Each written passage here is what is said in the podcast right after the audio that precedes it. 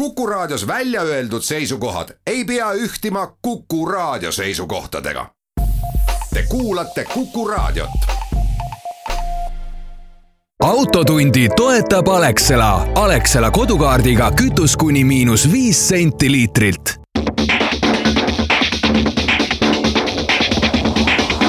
autotund see on saade sulle, kui sul pole päris ükskõik, millise autoga sa sõidad. tere kuulajad, Autotund eetris, stuudios Tarmo Tähepõld ja Martin Mets Geenius autoportaalist ja pärast tuleb meile külla Henri Vennikas, kes on äh, Tallinna Tehnikakõrgkoolist. Äh, ta on autotehnika õppekava juht ja me räägime nendest erinevatest tehnoloogiatest, mis tänapäeval kõik tahavad saada kõige paremaks, hübriidid, elektriautod, et kuidas nendega siis täpselt on. millest saates veel? saates räägime Tartu maantee loomaliiklusest. ja räägime sellest, et suured äh, autofirmad, kuulsad on hädas.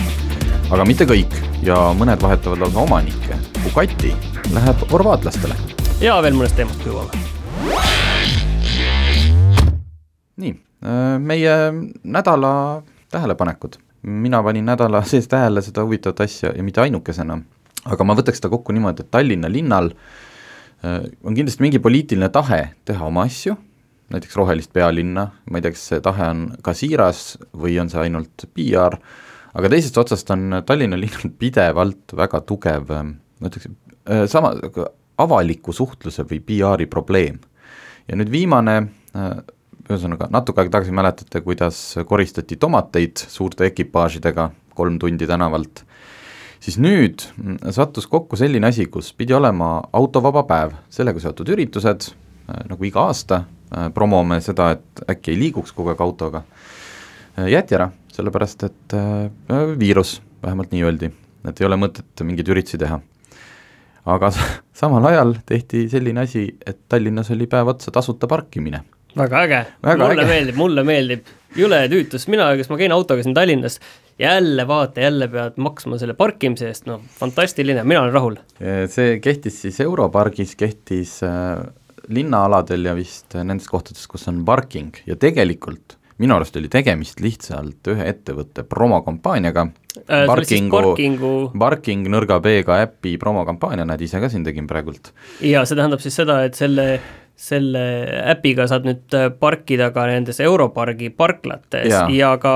kas ka avalikes äh, ja, linnaparklates ja. või noh, nii-öelda linnatänaval. just, ja see tasuta parkimine tähendas tegelikult seda, et sa pidid maksma, lihtsalt sulle see raha kantakse kahe päeva jooksul tagasi. ilmselt selle järgi sai siis parking teada, kui palju kulus ja ma arvan, et see maksab linnale ja Europarkile selle kõik kenasti kinni. tegemist ju reklaamkampaaniaga,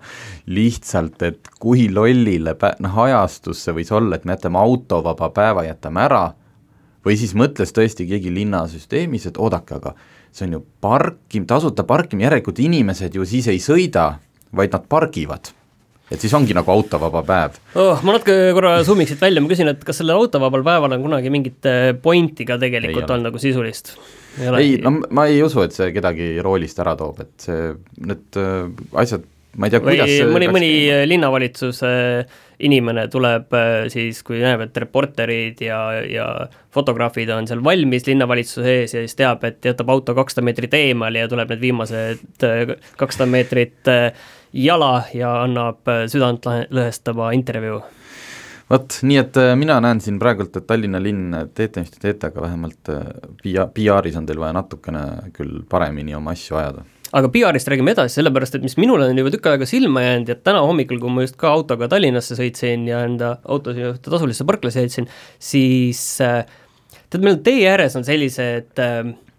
ühe ehituspoe reklaamid, mis on sellised suurelt, on seal kirjas, et äh, ma ei tea, miinus kolmkümmend protsenti, mis on pannud sellise punase ringi sisse, see näeb välja täpselt nagu liiklusmärk, sa sõidad seitsmekümne alas ja siis sa näed, et mingi suur kolmkümmend on noh muidugi, sa saad aru, et tegemist äh, ei ole liiklusmärgiga, tegemist on äh, suure äh, liiklusmärgi sarnase mm, sellise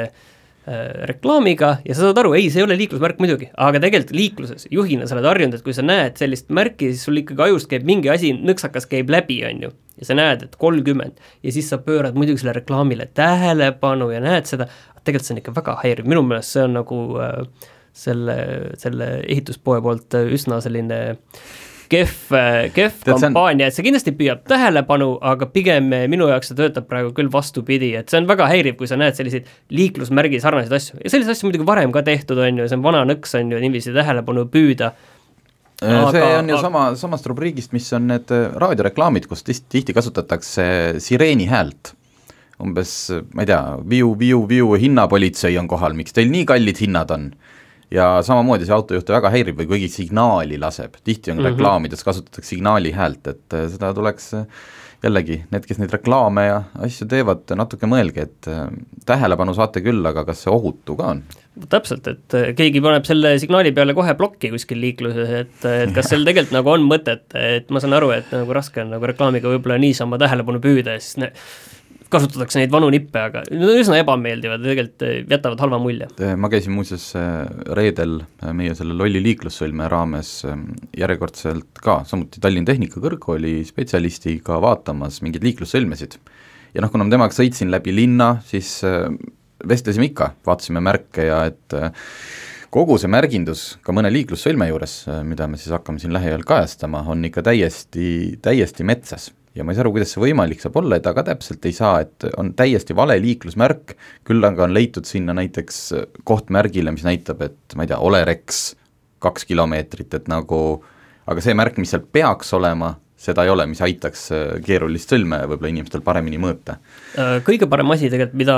märk, mida ma viimasel ajal näinud olen, ma ei teagi, kas see, see nüüd läheb sinna, et äh, pärast inimesed kirjutavad ja helistavad mulle, et ma olen ise rumal ja No ei tunne, tunne märke, on, kus ma sattusin nädalavahetusel Võsul olema, seal Võsul on see põhitee, see meretänav või mis ta on, ja seal keset seda on Anna teed märk. aga sealt kõrvalt ei tule mitte midagi. Seal ei ole mitte, see on selles kohas sirge tee, see on pärast ristmikku, on Anna teed märk kellele? kellele ja kuskohast, see on segadust on vanadest aegadest, kui, kui ma- Võsu oli suvituspealinn, kas seal äkki ei, see on hiljuti tekkinud, see on hiljuti tekkinud, sel suvel minu meelest on see sinna tekkinud. No aga mis siis sinna tuleb, pigem see küsimus äkki kinnisvaraarendusele, et sinna tuleb midagi väga olulist. seal käi-, käib üks kinnisvaraarendus No no, täpselt seal kõrval, aga seal ei ole mitte midagi, see on keset teed sisuliselt, on Anna teedmärk. kus, kuidas ja kellele, teab, siis saatke auto at geenius.ee, saatke Martinile selgitus, mis märk see on. nii, autofirmad, kellel läheb hästi, kellel halvasti, McLaren, mis äh, on ju tuntud sportautode tootja ja vormelimeeskonna,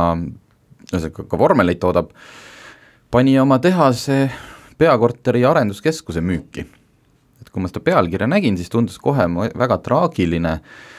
tegelikult, ühesõnaga, kes on näinud näiteks sellest samast Netflixi äh, Drive to Survive seriaalist või siis pilte, et McLarenil on tehtud väga, väga kihvt arenduskeskus, selline, seal on need järved ja see pidi olema hästi selline see näeb välja, see yin-yang näeb välja ja, selline ja, ja hästi madal, pool on vesi, pool on see hoone. Just, just, et niisugune äh, kihvt, aga nüüd pandi müüki ja see seletus on tegelikult väga lihtne, nagu nad ise ütlesid, et loomulikult noh, selles mõttes esmase, esimesena tunnistavad, et neil ongi praegult väga rasked ajad, keegi sportautosid äh, selliseid ei osta ja neil on äh, vaja lihtsalt äh, cash'i, lihtsalt sularaha on vaja, et oma operatsioonidega see raske aeg üle elada. Ja, ja ütlesid, et ega me ei ole ju kinnisvarafirma, et miks meil üldse peab nii suur maja olema. mis tähendab seda, et nad otsivad ostjat kogu sellele kompleksile, hinnaks on kakssada miljonit naela, mis on siis üle kahesaja miljoni euro, et ise sealsamas edasi tegutseda. ja nad jäävad siin edasi tegutsema ja hakkavad maksma siis nii-öelda liisingut või renti. et eh, noh, tõenäoliselt eks ju pikas perspektiivis neile ei tule odavam, selles mõttes sa pead tagasi maksma see kakssada miljonit ja siis maksad veel iga kuu juurde, aga aga selline asi on neil hetkel ellujäämiseks vajalik. Samamoodi nad siin maikuus plaanisid, et laenu saada, panna pandiks kogu oma see autopark. auto, auto kollektsioon, mis Jah. neil on. vot, aga teeme siia väikse pausi, siis räägime teistest firmadest, millel läheb natuke paremini.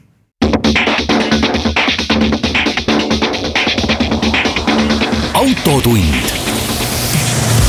see on saade sulle, kui sul pole päris ükskõik, millise autoga sa sõidad.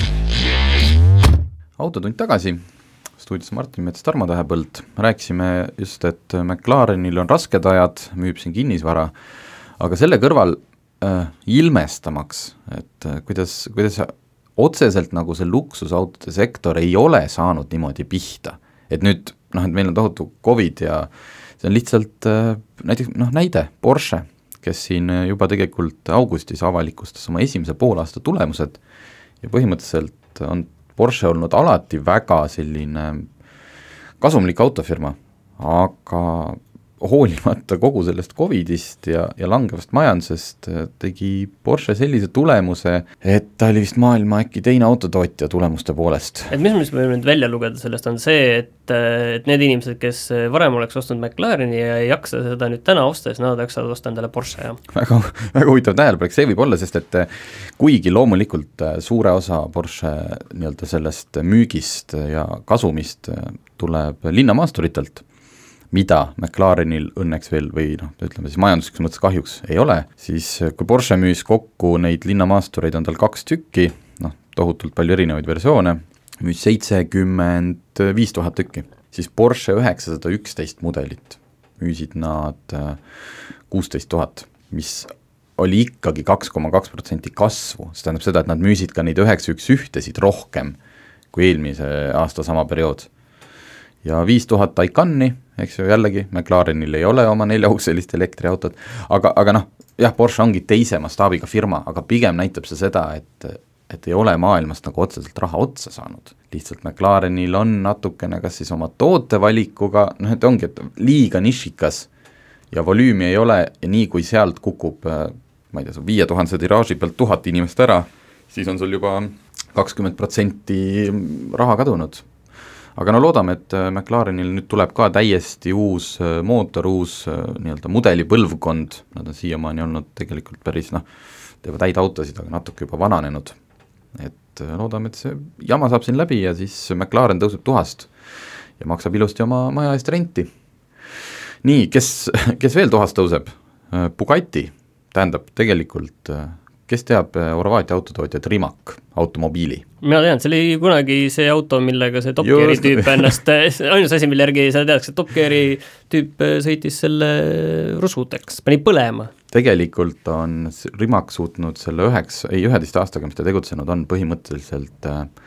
saavutada sellise taseme oma elektritehnoloogias, kõik see akude juhtimine, mootorid, et mingi äh, aasta alguses ühes intervjuus ütles Mate Rimak, Rimak, ma loodan, et ma mäletan hääletust õi-, hääldust õigesti,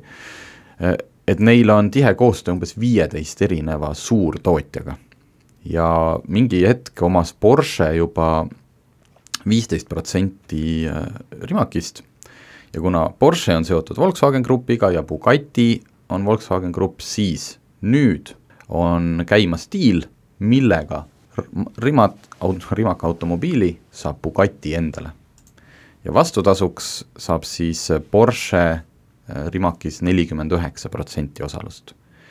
nii et äh, sisuliselt raha väidetavalt omanikku ei vaheta, küll aga saab Volkswagen Grupp lahti Bugatist. ja siin ongi väga oluline see, et, et äh, nende ekspertide sõnul Bugatti, noh, ühesõnaga Volkswagen, neil ei ole tegelikult seda Bugatit vaja, see oli Ferdinand Piechi selline sooloprojekt või noh, tema nagu lapsuke. ja, ja niikaua, kui Ferdinand Piech oli, oli puldis ja, ja siis ka elus, siis äh, keegi ei julgenud selle Bugatiga midagi teha. sellepärast, et seal on ju veel need suguvõsad taga, Piechi suguvõsad, kes, kellel on suur osalus äh, Porsches ja Volkswagen Grupis.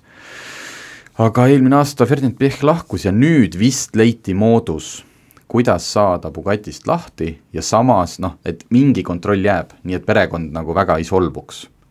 aga, aga kõige parem selle kohta oli kommentaar äh, Drive Nationis, äh, Dan Brosser kommenteeris, ütles, et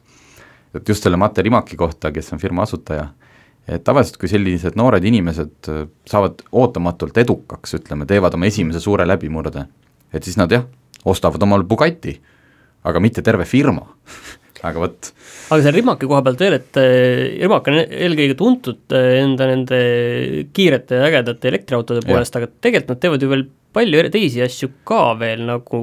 jalgrattaid ja, ja erinevaid siuke... mingi sellised elektrilised mingid krossirattad ja iga, igasugu imeasju nad tegelikult teevad veel. aga noh, nagu, nagu paljuski noh, Tesla muidugi ei ole võib-olla kõige õigem näide, et miks on Rimac nii väärtuslik ja miks Volkswagen tahab sealt kinni hoida, on ikkagi nende see tehnoloogia, tehnoloogia, inte-, inte-, intellektuaalne omand. ja Rimac saab omakorda siis kogu Bugatti sellise käsitöö ja sportautode tegemise oskuse, nii et elektriline Bugatti, siit ta tuleb. nii äh,, veel siia superautode otsa, sportautode, Nissan näitas üle tüki aja uut sportautot, Nissan Z Proto, mis on küll prototüüp, aga näeb välja nagu päris auto ja ilmselt sellisena müüki tuleb. Äh, Suprale konkurent, kõik kihvt, hästi, hästi ret-, palju retrodisaini ja kõik, ainuke kurb lugu on see, et Nissan ütles, eurooplased seda ei saa. see tuletab mulle meelde seda, et kui me siin äh, suve hakul rääkisime sellest, et Nissan plaanib ennast Euroopast äh, tagasi tõmmata, siis äh, jäi jutt, et linnamaasturid ja elektriautod vist ja. ikkagi nagu tulevad. jah, ja see nüüd oli, saigi kinnitust, Nissan ütleski otse, otse välja, et jah, et Euroop-, et selle Z-iga sihitakse Ameerikat, Jaapanit, Hiinat Koread, aga, aga Euroopas me tugevdame oma linnamaasturi ja elektriautode valikut, nii et selge, palun, eurooplased, palju õnne, meie tahame sõita linnamaasturitega. Nii, ja siis oli veel Tartu-Tallinn maantee, me ei saa sellest uuest lõigust üle ega ümber esiteks on see nii mõnus, ma see nädal jälle sõitsin. ma ei olegi vist kordagi sõitnud, ma olen seal kaks korda risti üle sõitnud, vaadanud mõlemale poole, et kui, kui kena selline ega ta sõites nüüd oluline elamus, noh ei ole, et seal ei ole, et võiks sõita nüüd näiteks saja kaheksakümnega, aga kuidagi alati tundub sündmus. Ja jutt on siis sellest uuest Kose-Võõbu äh, lõigust. kakskümmend kolm kilomeetrit, aga Maanteeamet nüüd andis teada, sellest me oleme rääkinud, neil on see väga kaval loomade jälgimissüsteem, seal on äh, mõnes kohas, on nendes loomatarades suured augud mitte selles mõttes mitte põdramõõtu auk, vaid ikkagi mitusada meetrit. et loom ei peaks seda kitsast avavust ja siis on andurid, kaamerad ja kohe, kui märgatakse suurt looma, lähevad äh, elektroonilised liiklusmärgid põlema, et võtke kiirus maha loomteel ta natuke ma... tuletab neid, äh, mis meil seal äh, Venemaaga vist piirialal on mingid sarnased mingid lahendused, et keegi tuleb üle, siis Just, kordoni, kordoni, see on häire. jaa, ja nüüd äh, Maanteeamet äh, avalikustas mõned äh, iseloomustavad videod, et palun järgige neid märke. Ja oligi, üks on selline termokaameraga tehtud või noh, see nagu night vision, kus et rahulikult kolm põtra askeldavad tee ääres ja neist sõidab sellel hetkel mööda, ma arvan, et see on pimedas tehtud, mitu sõiduautot ja ei ole, need põdrad ei ole sellise näoga, et me nüüd jookseme minema. ei, nad seal nagu rahulikult mõtlevad, mis me nüüd edasi teeme. Ja tegelikult äh, märk, noh, et kaamera registreeris need ära, andurid registreerisid ära, lisaks on veel üks video päevasest ajast, kus on näha, kuidas eemalt põllu pealt tuleb suur põder. Ja tuleb ja tuleb ja tihe päevane liiklus, rekkad kõik, ja see põder lihtsalt läheb üle. et, äh, et Maanteeamet lihtsalt äh, nende videodega tahab panna inimestele südamele, et kui seal see loomamärk on, siis on tõsi taga, et see ei ole, vaata inimesed on aastaid harjunud sõitma, et liiklusmärk järgmised kolm mm. kilomeetrit põder täiesti, kahjuks, kahjuks tuleb öelda, et täiesti mõttetud märgid, see läheb sinna, et sellest ei ole kasu. sa näitad, et pärast tahaks noomida, et jah. sa korraks näed ja kui sa kohe põtra ei näe, siis sa unustad selle märgi ja kõik unustad kohe ära pool kilomeetrit hiljem. unustad just, et see, et, et sellel hetkel mul, mul tekib, sest ma olen nii palju loomi näinud, et mul, oot, oot, ma tõesti nii, nii, Tarmo, sada protsenti nüüd vaatan, võtan kiiruse võib-olla jah, kaheksakümne viie peale, aga kakssada meetrit hiljem on tõesti noh. ei olnud ju põtra? jah, et kas see on nüüd möödas või aga nüüd need äh, uued asjad äh, päriselt toimivad ja ma ei tea, loodame, et äh, kuidagi me kõik siis jääme rohkem ellu. aga selle maantee peal, mis seal veel välja on toodud, noh et sinna tehti need puhkealad, vot see on mul natukene selline, et ma nüüd ei tea, kas nad on mõlemal pool teed, et kui Tartu poolt tulla, siis noh, et Eesti on nagu nii väike, mulle tundub, et sa Tartust oled tulnud, tõenäoliselt tegid Adaveres, võtsid veel oma see purksi, et noh, mida see on, nelikümmend kilomeetrit enne Tallinnat veel siis see nagu... võib-olla see loogika on, vaata ma ei tea, ma ei tea, kus rekka, see on rekkameestel, ma saan aru, et neil võib, see kelluke yeah. kukub, siis sa ei tohi edasi sõita, aga see, et noh, see on see mänguväljak, et ma... no rekkamees ka, natuke, võtab rahulikumalt korraks. kui ma ise Euroopas sõitsin, noh siis oli küll tore, kui lastega, eks ju, noh, lähed sinna Poola bensukasse, seal kõrval on mingi turnikas, et nad saavad natuke sirutada. aga nagu Eestis, nojah, kui keegi tuleb sealt kuskilt Lätist, et tal on juba kuussada kilti tehtud, aga, aga no tore, et nad on. teeme siia väikse pausi ja siis oleme juba saatekülalisega tagasi.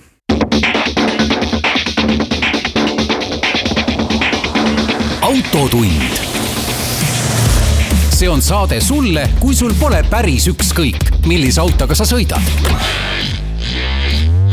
autotund tagasi eetris ja meil on nüüd stuudiosse tulnud külaline, äh, Tallinna Tehnikakõrgkooli autotehnika õppekava juht Henri Vennikas. tervist! Tahaks täna rääkida paljudest asjadest, kõigest me ei jõua, aga hakkame otsast pihta. võtame kõigepealt need asjad, mis meie autosid edasi liigutavad. noh, ilmselt on ka kõige kaugem autoinimene praegult aru saanud, et millegipärast on elekter see, mis meid peaks ära päästma kõigest kurjast riigiti, kes kui palju sinna toetusi jagab, autotootjaid piiratakse, kas äh, kui me jätame korraks kõrvale, et noh, näiteks ma ei tea, akude kaevandamine on hästi must, ühesõnaga see materjalid ja kõik, kas jõuallikana elekter on, tundub olemasolevatest kõige optimaalsem? see on väga huvitav selline ülesanne seda selgitada, et, et äh, kui jällegi äh, võtta täiesti algusest peale, siis esimesed autod olid ka elektriautod. kõige esimesed olidki selliste lihtsate akude pealt, sellised hästi, hästi lihtsad sõidukid, erinevatel põhjustel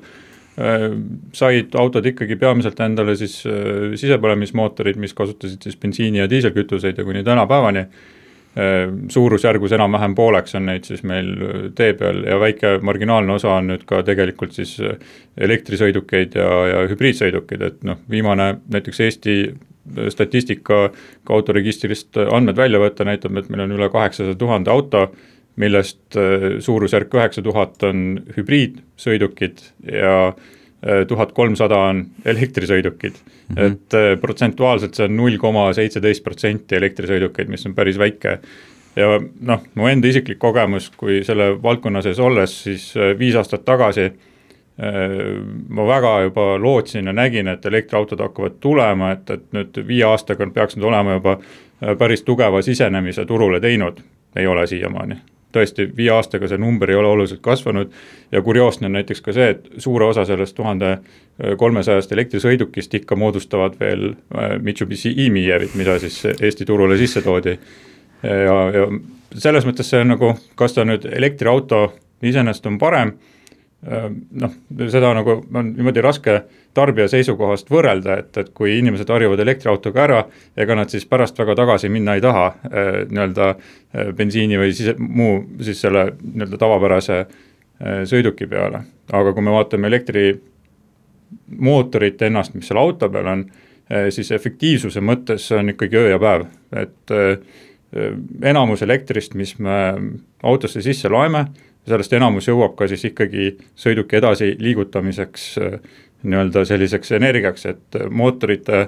siis äh, sisepõlemismootorite puhul on ta ikkagi pigem vastupidi, et enamus läheb soojuseks ja natukene jõuab siis ka tee peale. Aga kui akude kulu hind kõrvale jätta, kas elektrimootor ja elektriauto on nii palju lihtsam kui äh, sisepõlemismootoriga, et kas see hind võiks sealt otsast jälle tulla ju alla, sest ei ole ju igasuguseid kütusepumpasid ja sada muud asja, mis selle äh, kas, kas elektrimootor on jätkuvalt lihtne asi? no see nii-öelda elektrimootor ise on tehnoloogiliselt äh, väga ära optimeeritud, ta on väga nagu lihtne ka liikuvate osade suhtes, et seal on no kaks kuluosa öeldakse, et äh, nii-öelda need otsalaagrid, mis lubavad seal mootori ringi käia, võrreldes tavalise sisepõlemismootoriga, see on jällegi väga kardinaalne erinevus, aga eks mõlemal tehnoloogial on omad eripärad, et äh, elektriautodega kaasnevad ohud. Ja me peame neid ohtusid teadvustama. eriti, mis puudutab näiteks tulekahju ohtu, kui see auto juhtub olema tunnelis või juhtub ta olema näiteks laeva peal või kuskil mujal, et see on täiesti eraldi käsitlused. Või samamoodi näiteks äh, liiklusõnnetused, kui elektriauto või ka hübriidelektriauto osaleb liiklusõnnetuses, ta talle peab lähenema teistmoodi kui tavapärasele sõidukile, et et, et selliseid äh, nii-öelda kaasnevaid äh, erinevaid nähtuseid, mis mõjutavad, on, on teistsuguseid, mida tavaliste nende bensiin- ja diiselmootoritega sõidukite puhul ei ole. ta on nagu ühest küljest on oluliselt lihtsam, aga teisest küljest on ka keerulisem mm. -hmm. aga teistpidi, et noh, me tahame, et see lihtsus jõuaks lõpuks ka on ju hinda, et ma saan aru, et just seesama, et proovime siit akut on ju vale, valemist kõrvale jätta, et, et kui akude hinna saaks odavamaks, siis siis võiks olla elektriauto samas hinnatasemes, mis on need sisepõlemismootoritega autod? no seda on erinevalt jällegi spekuleeritud, mul ei ole nüüd täpselt sellist äh, kuidas öelda, teadusmaailmas öeldakse, toorandmestikku, mis seda võiks kinnitada, aga ähm, kohati on väidetud seda, mis siis elektriauto entusiastide nii-öelda ähm, aruteludest on läbi käinud, on ikkagi see, et et praegu autotootjad äh, ikkagi natuke subsideerivad siis seda sisepõlemismootoriga autot, et seda hoida hinna mõistes odavam, kuna ta on sisse töötanud tehnoloogia, et siis elektriauto ei sööks seda turgu veel kohe ära, aga mm -hmm need hinnad kipuvad juba võrdsustuma, ehk siis korralik elektriauto eh, ei ole korralikust sisepõlemismootoriga autost enam nii suure hinnaerinevusega ja kellel on vähegi võimalus seda laadida, kasutada kodumajapidamises, siis mul on noh, näiteid reaalelust nende kasutaja suhtes, kes eh, enam ei taha tagasi minna sisepõlemismootoriga auto peale, et Kas... ja see, mis puudutab hinda siis see hind hakkab juba niivõrd tugevalt võrdsustuma ja lisaks tulevased Euroopa Liidu e, piirangud, mis siis on järgmine see nii-öelda kvoodi samm, mida lubatakse heitmetes, siis see juba e, nõuab, et e, autotootjad hakkaksid müüma elektriautosid. Ja kui autotootjad nõuavad, et nad hakkavad müüma, siis nad ka maha müüvad inimestele, et kas pistikhübriid, ütleme praeguse taseme omad, enamik sõidavad tegelikult selline kuuskümmend, seitsekümmend kilomeetrit juba aku peal ja siis, siis tuleb äh, mootor appi, kas see on, äh, on see mingi asi, mis võiks äh, jäädagi olla või see on ikkagi autofirmadel ainult oma paberil selle kas viie aasta pärast numbrite. on selline asi ka veel tegelikult alles nagu see lihtsalt tundub see, et nii kui elekt-, sul ütleme, vool saab autost otsa, siis auto veab ju kaasa lihtsalt äh, mitusada kilo akusid ja kulutab selle võrra rohkem kütust. see on jällegi väga huvitav küsimus, et kui, kui, mis kontekstis seda vaadata, et kui me vaatame näiteks kasutajaprofiili, kes sõidab ainult linnas äh, ja harva käib siis näiteks siin Tallinna ümber, kui tuua siit koha pealt üks näide, et kui ta enamus sellest sõidukist kasutab elektriauto režiimis, mis kilomeetri läbimisel tõenäoliselt on ikkagi odavam kui kütusega nii-öelda kütust põletada, et see keskkonna kohalik nii-öelda saaste, nii müra kui ka siis heitmed, et see on oluliselt ju väiksem kui siis näiteks bensiiniga sõita. Ja nüüd, kui ta mõjutab meie seda kohalikku keskkonda siin antud hetkel vähem, see on ju kasulik, tegelikult me kõik tänu sellele ikkagi hingame vähem seda nii-öelda heitgaasi sisse, mis autodest tuleb, tekitame vähem müra keskkonda, et, et, et see kohalik keskkonnamõju on kindlasti olemas, kuigi antud hetkel, kui meil on äh, selle hübriidi elektri osakaal on nii väike, siis me veel võib-olla seda nii hästi ei tunne, aga jah mulle see... tundus, et vahepeal noh, et geniaalne lahendus, aga see ilmselt seal füüsika nii hästi ei toimi, olid need elektriautod, mis kui sul elekter sai otsa, et sul oli bensiinimootor ka pal-, pardal, mis hakkas siis tootma elektrit, ta hakkas tootma elektrit, et su auto oli kogu aeg, sõitis elektri peal, aga vahepeal siis tood-, sulle tuli juurde, aga see vist ei ole jätkusuutlik väga lahendus. see oli esimeste elektriautode puhul selline, ma usun, nii-öelda kui selle lähteülesandele vaadata, et teeme nüüd elektriauto inimestele, millega saaks ringi sõita, siis äh, üks selline hea ingliskeelne termin on nagu range anxiety, ehk yeah. siis selle läbisõidukartus, et me äkki ei jõua sinna, kuhu me tahtsime jõuda. ja esimeste elektriautodega see probleem oli no tõesti ikkagi päris suur, eks ju, et, et kui me saime sõita seal võib-olla kaheksakümmend kilomeetrit või, või sa noh, Eesti talveoludes, eks ju, siin mõned näited olid nende samade i-Miie, Miievite peal, et kus isegi kaheksakümmend tuli pooleks jagada külma ilmaga, eks ju, et et noh, siis kui see oli väike selline generaator, abimootor olemas, et ikkagi me lõpuks jõudsime sinna punkti välja, kuhu me tahtsime jõuda, et siis saaks auto laadima panna, aga öö, eh, oma otstarbekuse mõttes ta tõesti ei ole kõige otstarbekam meetod, aga noh. aga me... seal võiks olla just see, just see pääsetee, et see on see range extender, et ma tahan kogu aeg sõita elektriga, aga kui mul on see viimane viiskümmend kilomeetrit, siis ma lülitan oma selle bensiinimootori sisse, eh, et see võiks olla lahendus, aga vist me ei lähe maailmas seda teed, et vesinik on ju tegelikult seesama, mis toodaks sul pardal elektrit no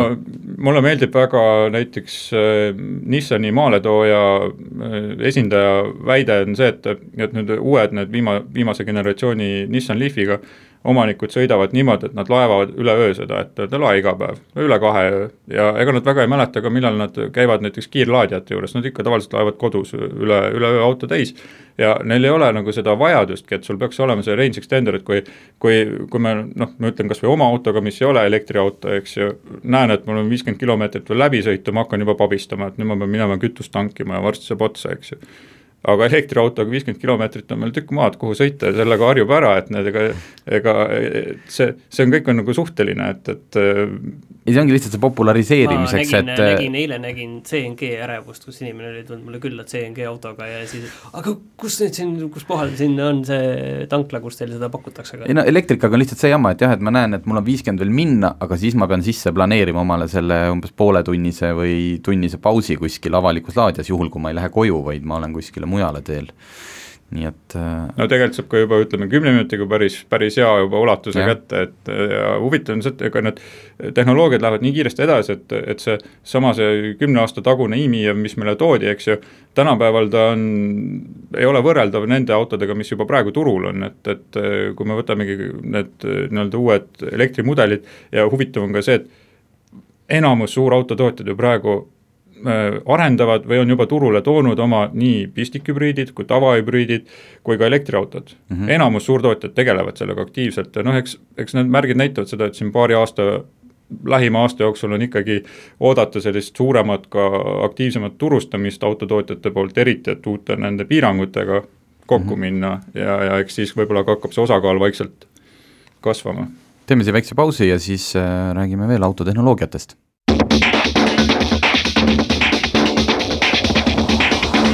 autotund.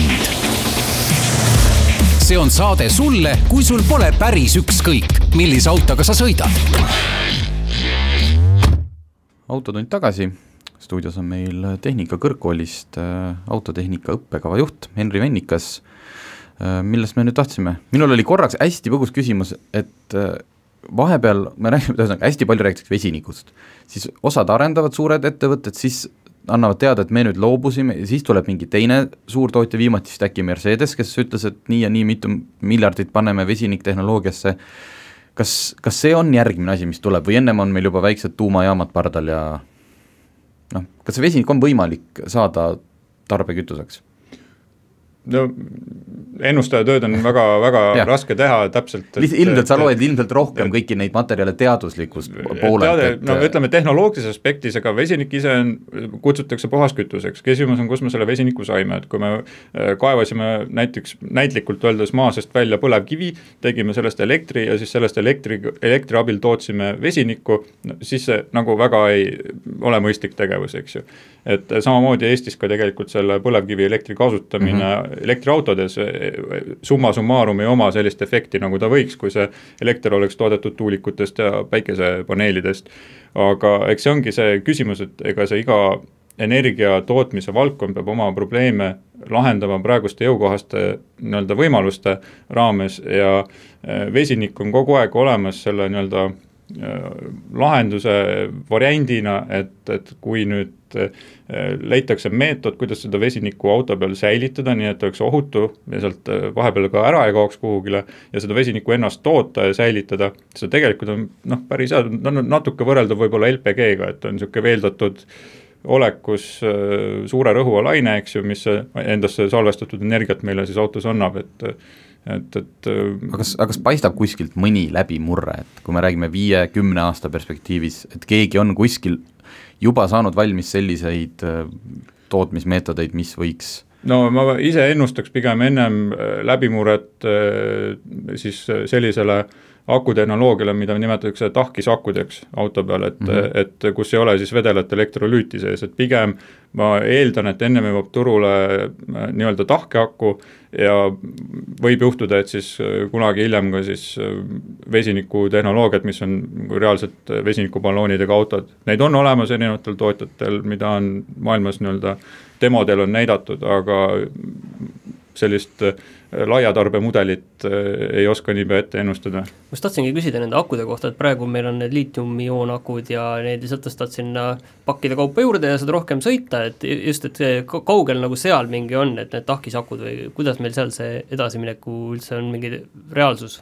No tahkisakkude kohta on ka olnud päris palju erinevaid teadusuuringuid, kus on äh, seda äh, tehnoloogia enda toimivust on äh, laborikatsetes tõestatud, et, et see tehnoloogiliselt on võimalik, aga see industrialiseerimine, et see jõuab lõpuks sellisesse massiivsesse tööstusesse nagu autotööstus, et on nagu sellised tehnoloogiad, mis on kerge toota, kerge hooldada ja kerge siis käidelda, et on näiteks ohutud, et selle nii-öelda industrialiseerimise protsess võib olla noh, olenevalt tehnoloogiast siin viis või kümme aastat, kuni nad jõuavad siis uute automudelite peale. ja noh, mõned autotootjad, kes ongi selle peale väljas, et, et seda industrialiseerimisprotsessi kiirendada, nagu Tesla näiteks, kes ehitabki kogu selle äh, aku oma majas nii-öelda valmis, siis ta tahabki seda võimalikult kähku, võimalikult heaks saada, et ja tundub, et nende strateegiaga kohati töötab ja ma usun, et ka neil võib varsti mõni uus huvitav akutehnoloogia valikus olla, nagu ka teistel suurtel tegijatel. Aga räägime natuke juhiabidest ka, et, et meil on praegu neid kõik reklaamivad välja, et meil on jälle siin üks uus juhiabi ja siis tuleb veel juurde ja mida kõik auto teeb sinu eest ära, juba selline tunne on, et auto peaaegu sõidab ise, palju on neid selliseid tehnoloogiaid, neid, mis eh, tegelikult varsti on meil unustatud, et tegelikult kas me ei, ühtepidi unustatud, et me ei teadvusta üldse, et need enam olemas on, kuigi need on auto peal olemas, või teistpidi, need on mingi vaheetapp? no väga hästi oli öeldud see, et me ei teadvusta, et need auto peal on olemas, et kui me tavakasutajana istume autosse, et iga raadiokuulaja võib selle peale mõtelda, et kui nüüd läheb oma järgmise sõidu peale või on parasjagu sõitmas kuhugile punktist A punkti B, et kui palju me teame, mis seal auto taga nii-öelda taustal, nii-öelda selle kulisside taga tegelikult siis äh, toimub parasjagu ja ma usun, et äh, suhteliselt väike osa inimestest, autokasutajatest teadvustab, et meie auto peal on mõnikümmend arvutit, mis äh, krõbistavad numbritega, sest ega me oleme tavapäraselt harjunud, et me näeme arvutiekraani ja me näeme, mis ta teeb, siis auto peal olevate arvutite puhul me ei näe. ja need arvutid on omavahel erinevates äh, nii-öelda internetivõrkudes, mis vahetavad andmeid, eks ju, et siis mõne minutiga on meil seal sadu tuhandeid sõnumeid vahetatud autos, et see on niisugune suur arvutivõrk, mis siis pidevalt toimetab ja kogu see ohutus, see funktsionaalsus, mida meile pakutakse, see tegelikult on tarkvaraga määratud auto peal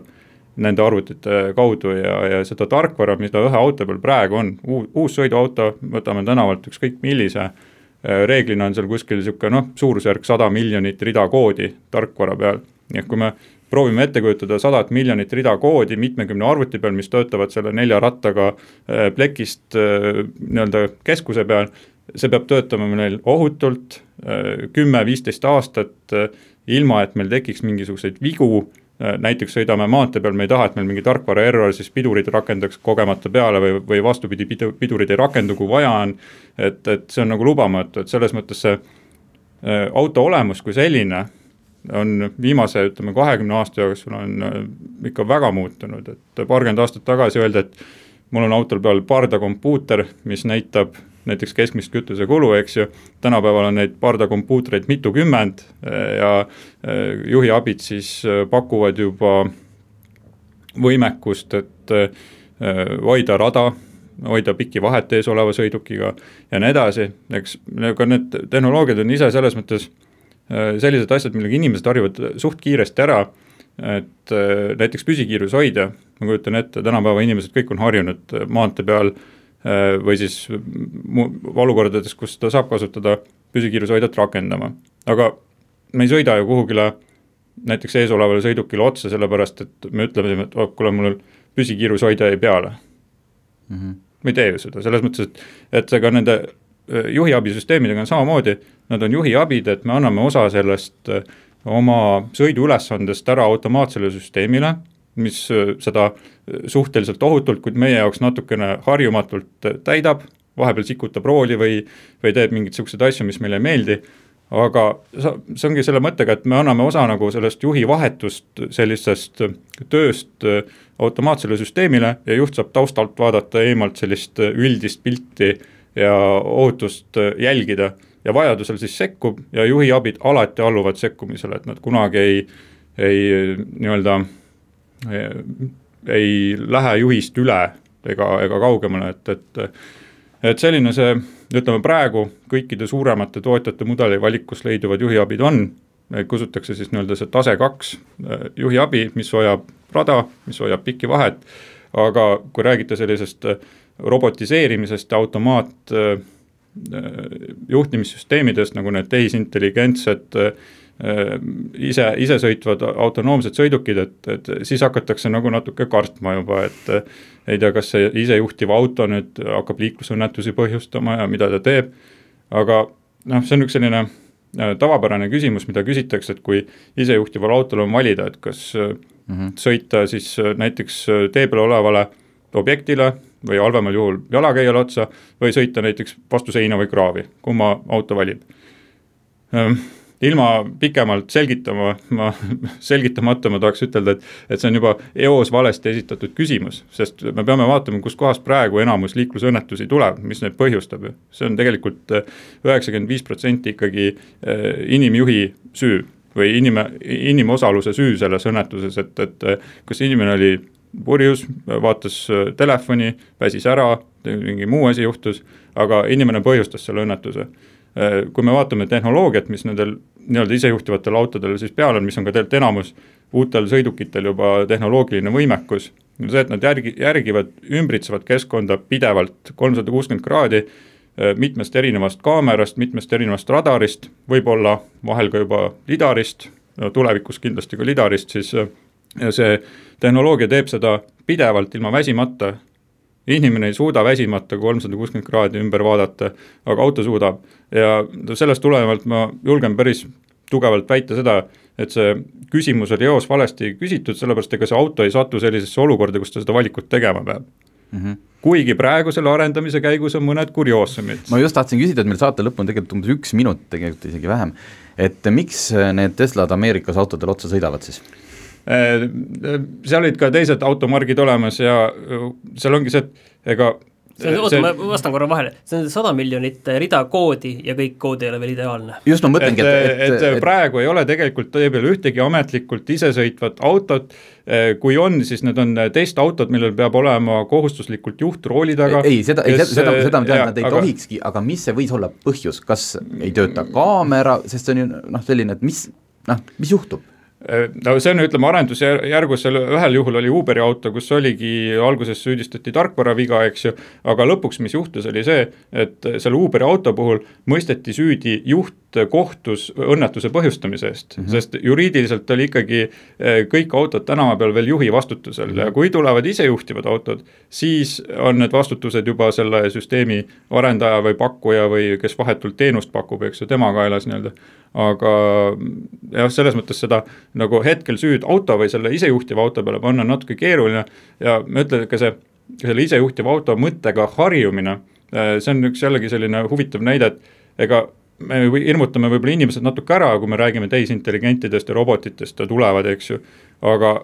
noh, paljud ju lähevad koju, eks ju, võtavad oma nutitelefoni lahti ja ütlevad oma robotile, et kuule, mine niida muru ära või põra, põrandapuhastus näiteks ja tegelikult see robotiseerimine on ju väga vaikselt igal pool meil ja varsti on ka autod robotiseeritud. Mhm. no selge, rääkida oleks kindlasti veel mitu tundi, aga kahjuks meil sai saateaeg just otsa. aga suur tänu, et tulid ja kuuleme järgmine nädal.